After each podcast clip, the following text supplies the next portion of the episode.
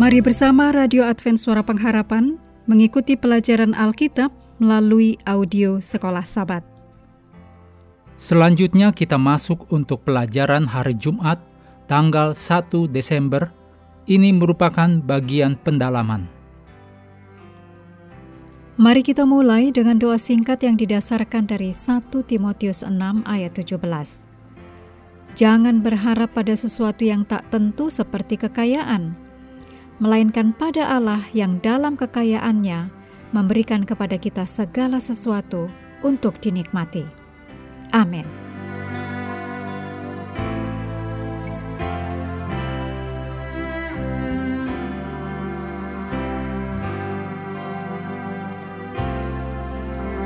Bacalah dari tulisan Ellen G. White, judulnya Penyampaian Firman kepada Orang Kaya dalam buku Membina Keluarga Sehat halaman 185 sampai 192.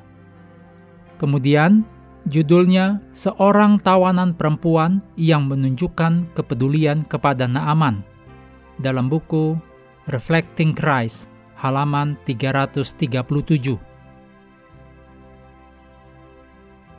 Kasih Yesus adalah sama, baik bagi orang miskin dan juga bagi orang kaya, dan berkuasa di dunia ini.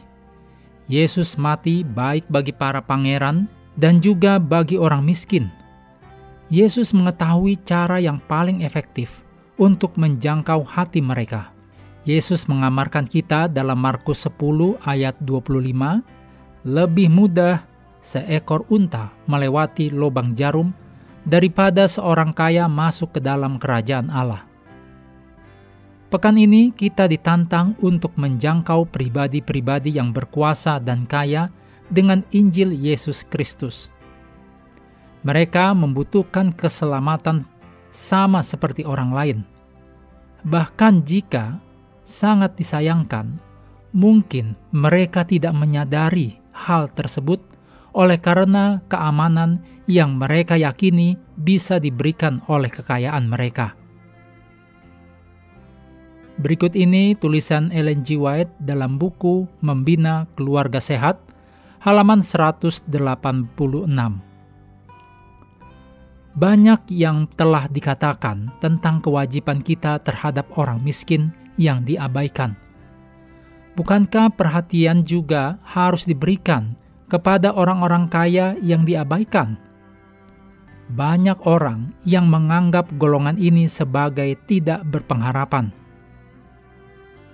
ribuan orang kaya telah memasuki liang lahat tanpa mendapat amaran. Tetapi, walaupun mereka itu kelihatan acuh tak acuh, banyak di antara orang kaya yang jiwanya menanggung beban berat. Berikut ini hal-hal untuk diskusi. Yang pertama, Yesus menghancurkan penghalang yang diakibatkan oleh kasta dan kelas dalam masyarakat. Ketika Yesus melayani orang kaya dan miskin selama pelayanannya di bumi, diskusikan bagaimana sebagai umat Advent untuk mengatasi masalah ini sehubungan dengan kesenjangan antara orang kaya dan miskin yang sudah sangat berakar dalam semua kehidupan bermasyarakat kita. Yang kedua, Yesus mengucapkan kata-kata berikut ini. Yang ditaburkan di tengah semak duri ialah orang yang mendengar firman itu, lalu kekhawatiran dunia ini dan tipu daya kekayaan menghimpit firman itu sehingga tidak berbuah. Demikian ditulis dalam Matius 13 ayat 22. Diskusikan maksud Yesus dengan ungkapan tipu daya kekayaan dan mengapa kita tidak perlu jadi kaya dulu baru menyadari ditipu oleh kekayaan? Yang ketiga, diskusikan kembali pertanyaan yang diajukan di akhir dari pelajaran hari Selasa sehubungan dengan fakta bahwa mengetahui kebenaran tidaklah sama dengan diselamatkan oleh kebenaran.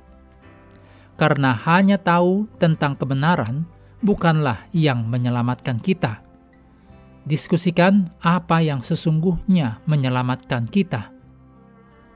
Yang keempat, diskusikan berbagai hal yang Anda pikirkan sehubungan dengan mengapa pemimpin muda yang kaya itu menolak Yesus, sedangkan Zakheus menerima Yesus.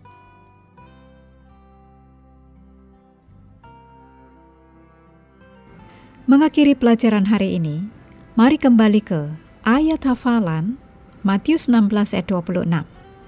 Apa gunanya seseorang memperoleh seluruh dunia, tetapi kehilangan nyawanya? Dan apakah yang dapat diberikannya sebagai ganti nyawanya?